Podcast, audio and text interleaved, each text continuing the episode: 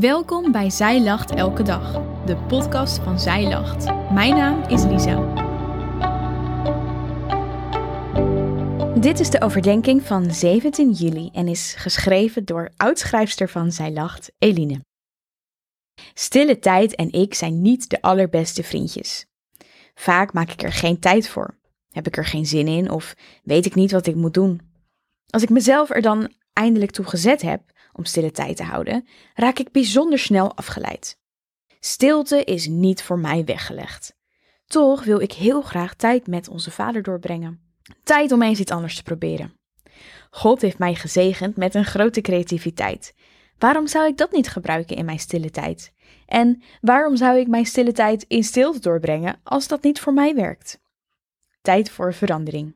Sinds ik mijn beeld en manier van stille tijd heb veranderd, houd ik bijna iedere dag stille tijd. Terwijl ik eerst misschien één keer per week stille tijd hield. Het was voor mij echt een grote eye-opener toen ik besloot God te vragen wat ik kon doen voor mijn stille tijd. God heeft mij niet voor niets gezegend met een groot en creatief oplossingsvermogen. Waarom zou ik er niet iets mee doen? Ik ben dol op muziek. Ik vind het fantastisch om lekker te zingen, ook al klinkt het nergens naar. In mijn kerk zingen we iedere zondag bijna een uur lang om op die manier God te eren. Door te zingen wordt mijn hart geopend. Dan voel ik een grote energie door me heen stromen en wil ik niets anders dan dicht bij God zijn. Ik voel zijn aanwezigheid en ik weet zeker dat hij me hoort als ik zing en bid. Toen ik nadacht over de invulling van mijn stille tijd, vond ik het eigenlijk gek dat ik nooit eerder heb bedacht dat muziek een heel goede invulling is.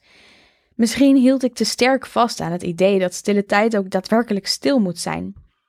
Nu weet ik dat ik in stilte veel moeilijker dicht bij God kom dan wanneer ik muziek aanzet.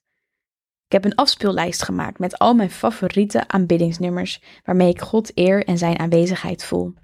Ik kies iedere dag een aantal liederen uit deze afspeellijst die ik luister of zing voor God. Dit maakt wel dat mijn stille tijd helemaal niet meer stil is. Als student zit ik regelmatig op de fiets, onderweg naar school, naar stage of naar werk. Het is allemaal best een stukje fietsen. Ik ben altijd groot fan geweest van het samenvoegen van het nuttige met het aangename. Ik gebruik mijn nuttige fietstochtjes dan ook graag aangenaam. Zo luister ik graag aanbiddingsmuziek op de fiets. Maar waar ik thuis luidkeels meezing en een echte connectie met God voel, durf ik dat de fietsers en voetgangers die ik onderweg tegenkom niet aan te doen. Wat ik wel graag doe als ik op de fiets zit en mijn muziek alleen niet genoeg vind, is hardop bidden. Ik draag altijd een koptelefoon of oortjes als ik op de fiets zit, waardoor het gewoon lijkt alsof ik aan het bellen ben. Op deze manier kan ik hele gesprekken voeren met God. Het is niet ongewoon dat ik een half uur aan één stuk aan het bidden ben op de fiets.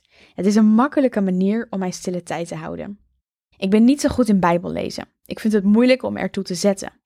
Waar ik wel goed in ben is schrijven, tekenen en andere creatieve bezigheden. Sinds ik me besefte dat ik daarmee God ook kan eren, vind ik het veel makkelijker om stille tijd te houden. Vaak combineer ik het schrijven, tekenen of knutselen met het luisteren naar fijne muziek. Dan schrijf ik een stuk voor zij lacht, maak ik een tekening die geïnspireerd is op een van de liederen die ik luister, of schrijf ik pagina's vol gebed in mijn gebedenboekje. Stille tijd hoeft niet stil te zijn. Wat stille tijd vooral moet zijn, is een manier om bij God te komen. Als dat voor jou is door in stilte de Bijbel te lezen, dan doe je dat. Maar als je net als ik gek wordt van stilte, luister dan naar mooie muziek. Ben jij graag creatief? Maak dan een tekening. Of als je sportief bent, dan ga je fietsen. Zoek een manier waarop jij bij God kunt komen. Gebruik de interesses en talenten die God je heeft gegeven. Ik daag je uit om vandaag een nieuwe manier van stille tijd te proberen. Als je doet wat bij jou past, is dat veel effectiever dan wanneer je met moeite iets doet omdat het nou eenmaal zo hoort.